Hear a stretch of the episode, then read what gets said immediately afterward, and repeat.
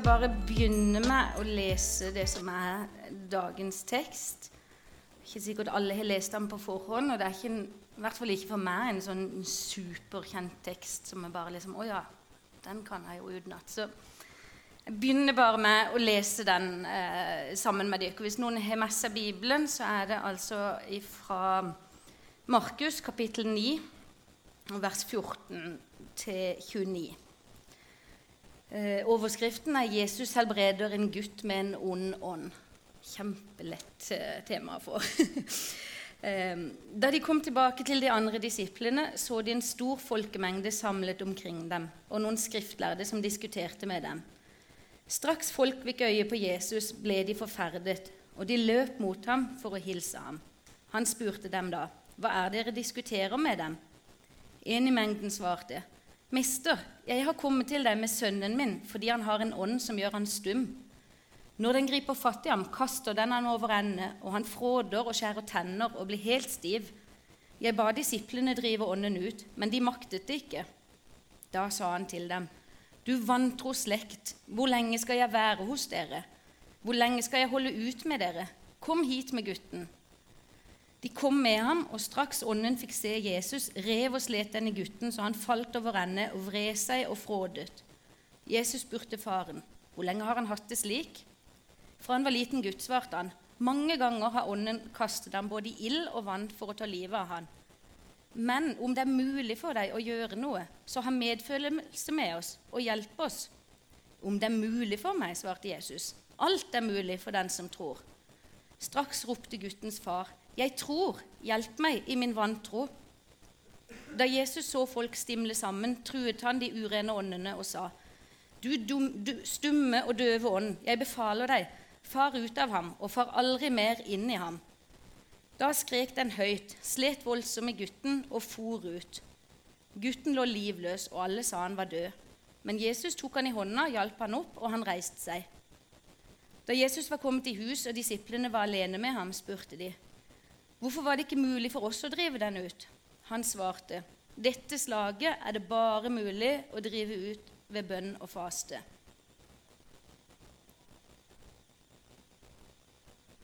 Um, overskriften i dag er 'Jeg tror, hjelp meg i min vantro', som denne faren utbrøt. Um, I går kveld så var jeg sammen med en del av dere her på konsert i Arendal konserthus med en gjeng av jentene våre her på bedehuset. Nå begynner jeg å grine, herlig fred. Men det var så fint. Soul Children fra bedehuset var sammen med masse andre Soul Children-kor rundt forbi her i Agder og hadde en gathering. Det var ikke meninga. Men der sto de 200 barn og ungdom og sang for full hals.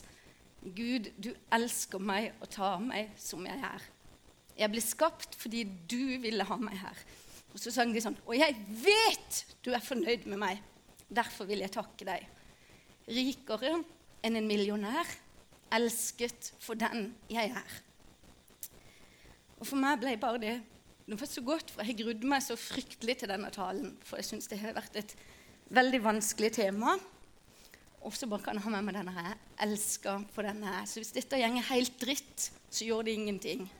For jeg fortsatt elska. Um, I cellegruppa som jeg går i, så holder vi på å snakke om gode vaner for tida. Gode vaner i forhold til dette med Bibel og bønn. Hvordan vi bruker og prioriterer tida vår. Og så gir vi hverandre litt sånn utfordringer så alle skal liksom velge en ting som vi skal prøve å, å jobbe litt med neste gang. Det være seg Noen har liksom bestemt seg for at de skal lese et bibelvers, noen har bestemt seg for at de skal gjøre sånn og sånn. Uh, og Vi hadde bibelgruppe forrige uke, og jeg har ikke lykkes en eneste dag med det jeg skulle gjøre. Ikke én gang har jeg fått det til. Fullstendig mislykka. For svak. For svak viljestyrke, for svak utholdenhet kanskje for svak tro. Jeg fikser det ikke. Uh, og Derfor så syns jeg jo at det temaet jeg skal snakke om, er, er, vanskelig. Og hvorfor er det så vanskelig for meg å snakke om? Hvorfor er det vanskelig å stå her og snakke om tro? Er det fordi det er så veldig personlig? og hvis jeg skal snakke om tvil da samtidig Stender her da og blottstiller min egen svakhet. Er det derfor jeg syns dette er så fryktelig vanskelig? Jeg er litt for stolt til å egentlig stå her på talerstolen og si at jeg tviler. Um, og Derfor så bakteppet for denne talen, uansett hva jeg måtte si, husk den sangen fra Soul Children. 'Elsker for den du er'. Um, men jeg skal prøve i dag da, å si litt om hva tro er, og hva jeg tror det ikke er for noe. Og så skal vi se på noen personer i Bibelen som det stender litt om, om deres tro og tvil. Eh, tilbake til, til, teksten som vi leste, og overskriften. Mannen kommer altså til Jesus og, ber om at han kan helbrede den syke eller besatte gutten hans. Og Allerede her så begynner tvilen å gnage mer. For det jeg tolker når jeg leser hvordan den gutten er dette, dette, høres ut som et epileptisk anfall. Og så begynner det. ikke sant? Ok, Han egentlig besatt? Bare, altså, var det bare fordi de ikke visste bedre den gangen? Fantes det egentlig ond ånd? Gjorde egentlig Jesus noe? Eller skjønner du ikke? Så begynner dette her. Uh.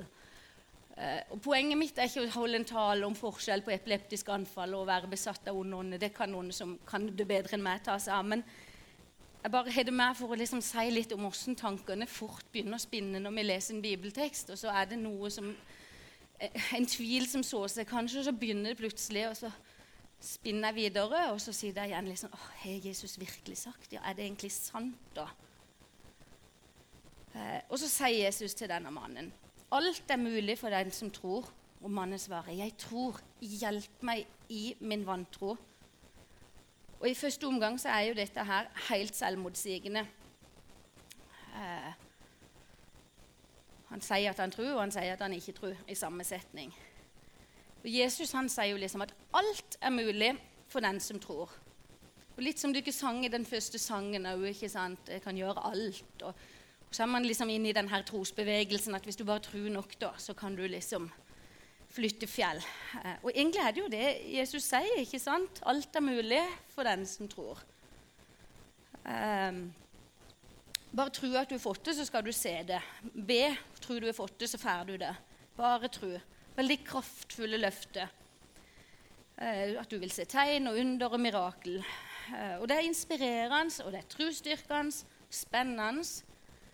Men samtidig så syns jeg det er veldig vanskelig og kanskje mange sitter igjen med erfaringer fra dette med å tro at det, en sitter igjen med en følelse at men troa mi var kanskje ikke sterk nok. Jeg trodde ikke nok. Og så sitter du til syvende og sist igjen med den der, men jeg er ikke god nok. For hvor mye må vi egentlig tro? Og, og sterk tro er egentlig nok?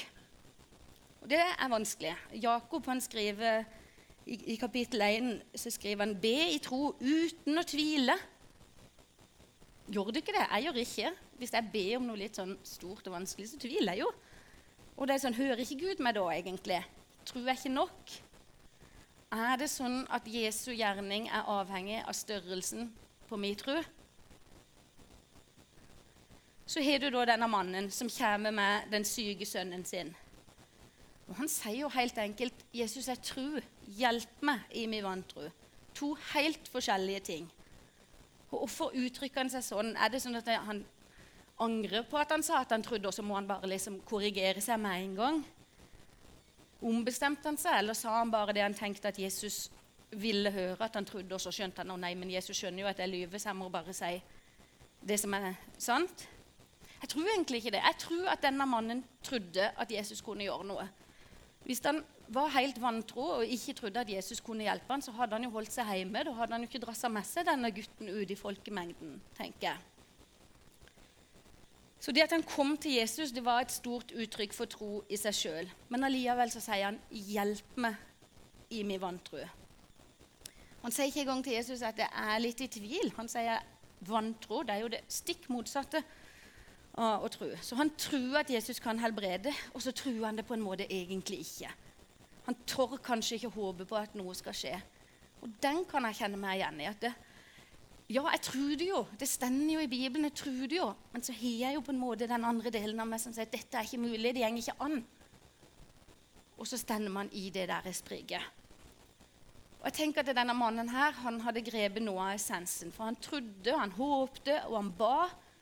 Og så var han samtidig helt ærlig med Jesus om sin tvil og usikkerhet og redsel for kan det virkelig være sant. Hva er egentlig det å tro?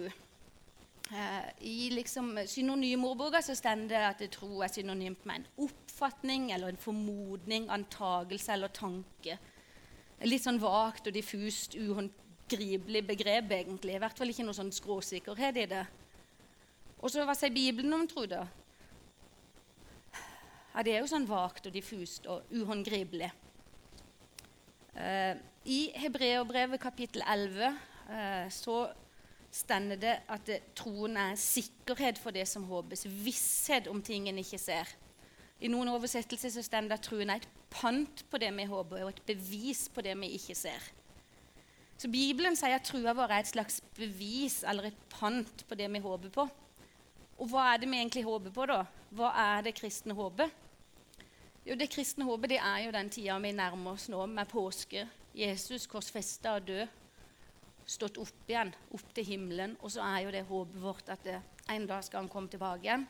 Han skal skape en ny himmel og en ny jord. Det er det kristne håpet. Og trua vår er på en måte et pant på det. En visshet om at det er en dag så skal det skje noe. Og det tenker jeg er litt den der samme overbevisninga som den unge flokken sang meg i går. At jeg vet du er fornøyd med meg, og jeg vet at Jesus skal komme tilbake. Så kan jeg likevel stå på denne sida og si at oh, Jesus, jeg er så i tvil. Så kan jeg jo Jeg vet. Skjønner du ikke hva jeg prøver å si? Jeg syns det er veldig vanskelig, for man er liksom i to sånn Det er så mye sånn dobbelthet i, i dette her. Hvis vi leser i Hebreabrevet kapittel 11, så er det en lang utgreining om forskjellige troshelter opp igjennom i bibelhistorien. Eh, hvordan de har på en måte gått i tro og gjort det Gud ba dem om.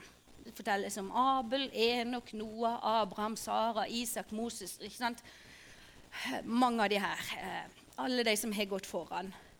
Paulus ramser de opp. Noen av de utførte mirakler og vant seire og var på en måte vellykka. Og så er det jo andre som på en måte i verdensøye kanskje framsto som mislykka. Det som kjennetegna dem, var at de hadde tro. Og det på en måte vitnesbyrdet eller ettermælet de fikk, det handla ikke om hvor mye suksess de hadde i livet. Det er ikke derfor de ble med i denne oppramsinga, men det var trua deres til Gud, uavhengig av resultatet. Og så, hvis vi da leser i kapittel 12 som da er en fortsettelse på kapittel 11, der, de blir liksom ramsa opp. Um, så står det derfor, når, vi har en så stor sky, stor sky av vitner omkring oss Da henspeiler han tilbake på alle de trosheltene som ble oppramsa på en måte i kapittel 11. Så la oss legge av oss alt som tynger, og synden som så lett fanger oss inn. Og med utholdenhet fullføre det løpet som ligger foran oss med blikket festet på Han som er troens opphavsmann og fullender, Jesus.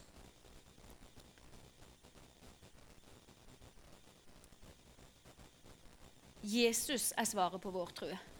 Han er troens begynnelse og slutt. Han er opphavsmannen og fullenderen.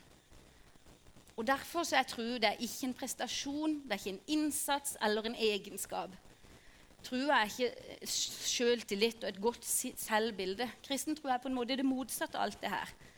Og I bunn og grunn så har trua mi ganske lite med meg å gjøre. Eh, for trua den er helt uløselig knytta til det Jesus gjorde på Golgata, der han døde for meg og mine synder. Og Luther han snakker om dette objektive frelsesverket og det frelsesverkets tilgjengelighet og effekt på ditt og mitt liv det er ikke knytta til vår innsats eller den innsatsen som man kan kalle for tro. Ei tro som krever at du tar deg sammen og tror mer, bedre, lenger osv. Det er ikke ei tro som kommer av å se på Jesus. Eh, når Gud inngikk sin pakt med Abraham og israelsfolket, så var Abraham helt passiv. Han sov mens Gud inngikk pakten. Gud var den aktive parten.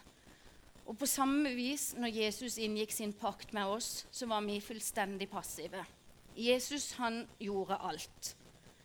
Så trua, den kommer ikke ifra meg. I Efeserne 2,8, et av de første bibelversene man lærer å pugge seg utenat som barn, er jo av nåde er dere frelst ved tro. Det er ikke deres eget verk, men Guds gave.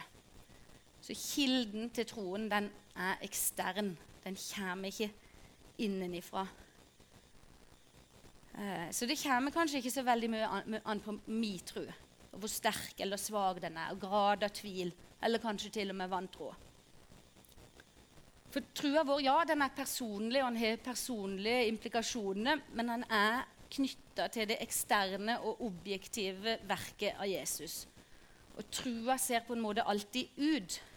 Den ser alltid på Jesus for hjelp og styrke, og aldri innover på vår egen menneskelige og svake natur. I motsetning til mange andre religioner, kanskje sånn litt østover, sånn, så skal du liksom finne Gud i deg og se innover i deg sjøl. Men vårt blikk må alltid være ut på Jesus. Der ligger eh, kilden til vår tro. Um, mannen i historien vår han trodde, og han tvilte. Og sønnen han ble helbreda. Han trodde akkurat nok til å spørre Jesus. Og så ble han bønnhørt. Han trenger kanskje ikke så veldig sterk tro allikevel for at Gud skal virke. Eh, apostlene sier et sted i, i, Lukas kapittel 17 så sier de 'Herre, gi oss mer tro'. Og så svarer Jesus om dere har tro som et sennepsfrø, kunne dere si til dette morbærtreet, rykk deg opp og slå rot i havet, og det skulle lyde dere.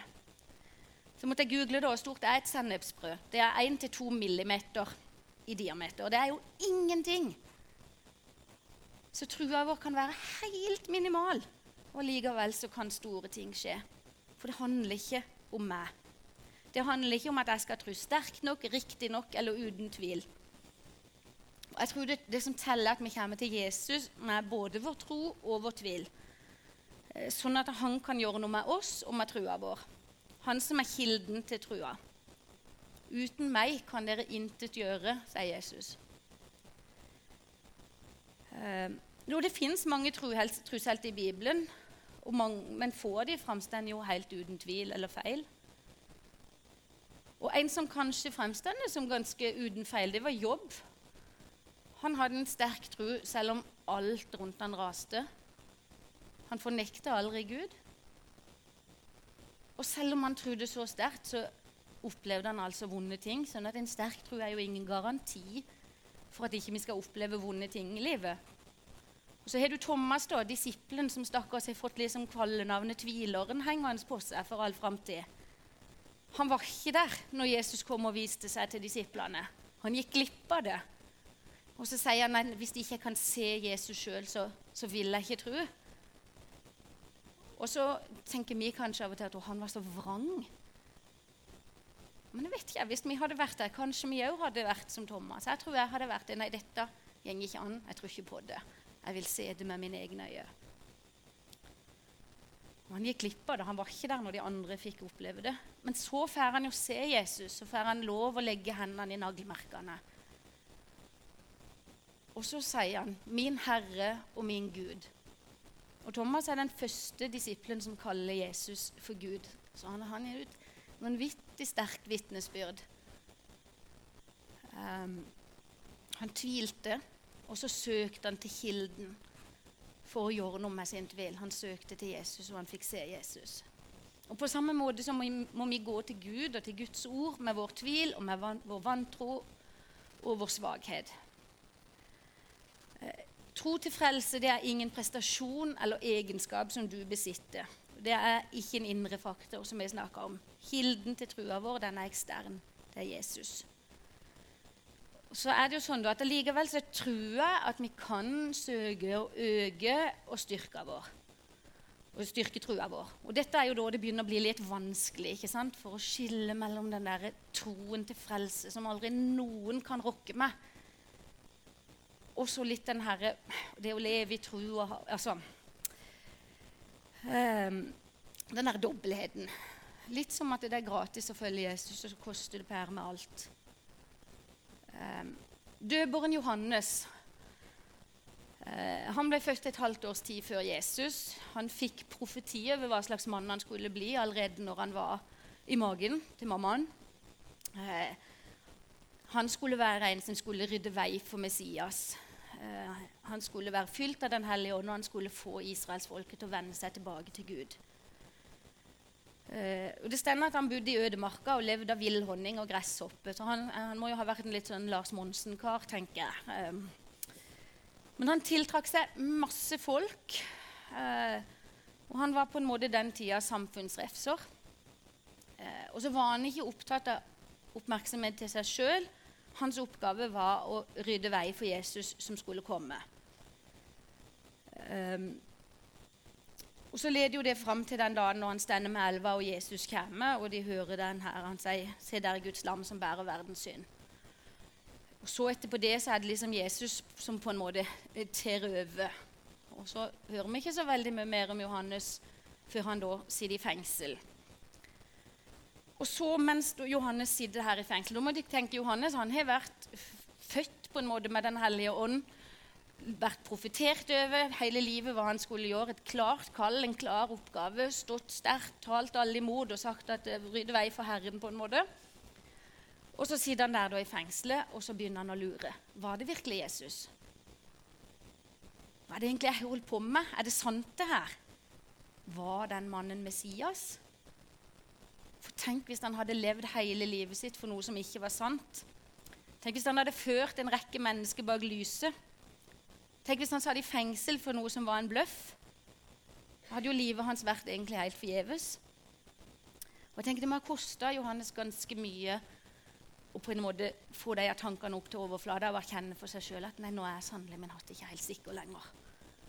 Og enda mer å si det til disiplene sine. For det stender det at han ba disiplene gå og spørre Jesus er du Messias, er du han som skal komme, eller skal vi vente en annen en? Og kanskje har vi det litt sånn på samme måte av og til. At vi har et ideal om en sterk tro. Ønsker å kunne være sikker og være helt trygg og frimodig bekjenne at ja, jeg tror på Jesus, og fins ikke fnugg av tvil i min sjel. Og så er det kanskje ikke alltid sånn. Begynner med å stille spørsmål, og så lurer vi litt. Er det virkelig sant? Og så kan det være vanskelig å tro. Og så ender vi opp med å føle oss som en dårlig kristen. For jeg burde jo, jeg burde jo, jeg burde jo, jeg burde jo. Og så er vi plutselig inne i burdismen. Um, Jeg tror at det gjenger an å trene og øve på trua si. For på samme måte som en muskel den må ha næring for å vokse, og så må den brukes for å bli større. På samme vis trenger trua vår næring. Og Den trenger å jobbe, og den trenger å utfordre seg. Og Derfor så tenker jeg Vi trenger heller ikke være så redd når vi begynner å tvile. For når tvilen kommer, så kan vi tenke at ja, det kan være en god mulighet til å trene på trua. Uh, jeg har begynt å trene crossfit. Det ser kanskje ikke sånn ut, men det har jeg, da. Uh, på garasjegym borti høgget her. Og jeg tenker, Garasjegym er på en måte treningsstudio svaret på en god menighet. For der er det plass til alle. Om du er svak eller sterk, om du på en måte løfter 1 kilo eller 100 kilo, om du er tynn eller tjukk og masse muskler, eller det er litt sånn mer sånn dinglende fiskebolle så er det plass til deg. Og du er en del av gjengen. Og nå gikk Simon ned til søndagsskolen, men jeg fikk lov å skryte av han da. For Simon han er sterkere enn du skulle tro. For han tar pullups lett som bare det. Det vet sånn Når du skal henge i stanga, og så skal du dra deg opp hele kroppen og haga over stanga. Mens jeg, altså om det så sto om livet, så hadde jeg ikke klart å dra meg opp der. Aldri. Det rikker seg ikke en millimeter. Nettopp. Ennå. Ennå. Jeg, vet ikke om jeg noen gang kommer til å klare det. Men eh, poenget er jo at meg og Simon er på helt forskjellig nivå der. Og det er helt greit. Jeg må jo starte der jeg er. Jeg kan ikke stå og se på Simon og tenke at å ja, jeg må være så sterk for å trene her. Nei, men da må jeg bare gå hjem igjen. Og hvis jeg går hjem igjen, da, så kommer jeg i hvert fall aldri til å klare det. Um, For du er ikke noe annenrangs medlem av garasjegym selv om ikke du klarer pullups. Jeg trener like fullt crossfit selv om jeg er på et helt annet nivå enn Simon. Og samme er det her hos oss, tenker jeg. Om trua di er som det sennepsfrøet, eller om du er liksom har ingenting å si. Deler den samme menigheten, det samme fellesskapet. Like viktig, elska som den du er. Um, ikke sammenlign deg med de andre. Sammenlign deg med deg sjøl hvis du skal måle framgang på noe. Skal måle framgang på treningsstudio, så må jeg jo se på hva løfta er i vekt sist jeg var her. Jeg kan jo ikke se hva løfta Ingrid Marie sist hun var her. Det sier ikke noe om min framgang. På samme måte så kan ikke jeg måle min tro opp mot Linda sin tro og tenke at nei, jeg kommer jo ingen vei. Jeg må se på meg sjøl. Og jeg tror at Hvis vi skal trene trua vår, så er det viktig å kjenne for meg sjøl at jeg tviler. Jeg må våge å være ærlig med meg sjøl og si at dette syns jeg er vanskelig. Jeg vet ikke helt om jeg klarer å tro dette her. For hvis jeg later som og spiller et spill og det, Derfor syns jeg det er vanskelig å stå her foran dere, for jeg vil jo gjerne framstå som en som har en sterk tro. Godt kristne miljøer alltid. Og så tviler jeg ganske ofte og tenker er det, Hva er det jeg holder på med? Er det sant? Men hvis ikke jeg tør å være ærlig med det, så blir jo livet mitt helt fake. Så må jeg heller si at ja, jeg tviler. Jeg tror, jeg tror, jeg tror, jeg tror. Men jeg tviler. Og så tror jeg det er viktig å fortelle noen andre at du tviler. Eh, sånn som Johannes fortalte vennene sine. Kan du ikke finne ut om, om det virkelig var han? Kan du ikke gå og spørre for meg? Og her kommer jo det kristne fellesskapet inn i bildet. Menigheten, ikke minst eh, cellegruppe, bibelgruppe, smågrupper. Mindre fellesskap der vi tør å liksom være helt ærlige, komme inn på klinka i livet, det som er vanskelig. Tør å dele om sterke trusopplevelser, tør å dele om den dagen tvilen tok overhånd. Om når vantroen er på det sterkeste. For det er garantert noen andre som kjenner seg igjen. Jeg håper det i hvert fall at ikke alle dere nå sitter og tenker at å ja, hjelpes meg, har hun det sånn. Men at vi har et fellesskap der vi kan be for hverandre, støtte hverandre og utfordre hverandre. Sånn at vi kan vokse. Og så må du fortelle Jesus at du tviler. Han vet det jo, men si det til han. Sånn at du kan be han om hjelp, så du kan søke Guds ord, sånn at du kan gi trosmuskelen din næring. For da, hvis jeg bare står og ser på Simon, og han er så sterk, jeg gir opp. Ja, da har jeg gitt opp. Jeg blir aldri sterkere. Hvis jeg holder meg vekke fra menighetsliv og kristent fellesskap, Bibel og bønn, og aldri noen gang tør å utfordre meg sjøl, på trua mi, så blir han ikke sterkere. Hvis jeg løfter det samme antall vekter hver gang jeg er på trening, så blir jeg jo ikke så veldig mye sterkere. Da klarer jeg aldri å se hvor mye kan jeg egentlig løfte. Ikke mye, altså. Det er veldig lite. Men eh, men en dag. uh, sånn at Hvis vi alltid bare lever på det der komfortable nivået der vi aldri tør å, å pushe oss litt, så tror jeg heller ikke vi kommer så veldig mye videre kan trua mi vokse hvis det alltid er komfort og har det greit. Eh, når Johannes sine disipler kom til Jesus og så spurt, sendt fra Johannes og spurte er du han som skal komme, er du Messias, eller skal vi vente på noen andre, så sier ikke Jesus bare sånn enkelt ja eller nei. Han ba disiplene til Johannes om å gå tilbake igjen til Johannes og fortelle hva som skjedde der Jesus var, om tegn og under, helbredelse og mirakler. Hvis vi trenger hjelp med trua vår, gå der på en måte Guds ord forkynnes. Eh, se hva som skjer med mennesker som lever nær til Gud. Se hva som skjer der Jesus er. Nå skal jeg avslutte. Eh, men det var viktigst for meg å si i dag, hvis ikke du husker noe annet Og uansett om du bygger på trosmuskelen din eller ikke, så er det ingenting, ingenting, ingenting du kan gjøre for å bygge på frelsa di. Det er ene og alene Jesus. Gud, du elsker meg, og du ter meg som jeg er. Jeg skal avslutte med et sitat som jeg ikke aner hvem som har sagt, men det fant jeg når jeg forberedte meg her. Det syns jeg var så fint. Det er ikke troen som frelser oss. Jesus frelser oss. Troen er bare den tomme hånda som tar imot det Jesus legger opp i den. Ovenfor Gud trengs ingen sterk eller stor tro. Det er ikke troens kvantitet eller kvalitet som avgjør, men dens retning.